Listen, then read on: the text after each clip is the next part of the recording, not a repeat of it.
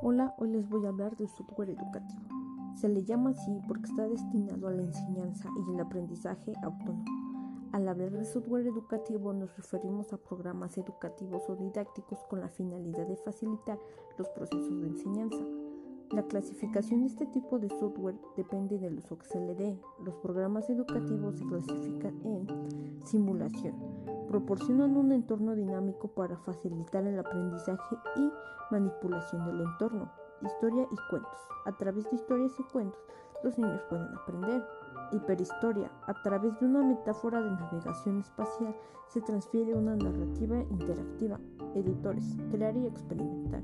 Ejercitación. A través del ejercicio estimula y reafirma los conocimientos adquiridos. Tutorial. Información que se pone en el diálogo entre el estudiante y la computadora. Directivos. Presentan información, hacen preguntas a los estudiantes, controlan en dos momentos las actividades.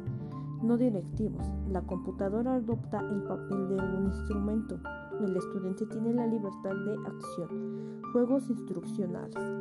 Simulaciones o computainment integra un rol de educación y entretenimiento, creando un protagonista en el estudiante.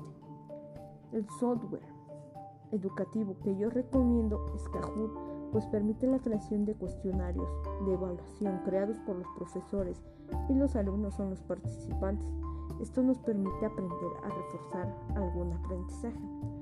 Algunas ventajas del software educativo son su fácil uso y control, hace el aprendizaje más divertido y cómodo y fácil de entender.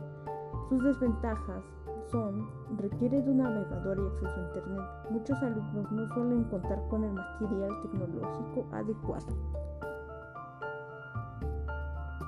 Hecho por Carla Martínez Loreto, del grado primero 1, turno matutino de la Escuela Preparatoria Anexa a la Normal de Tenel 5.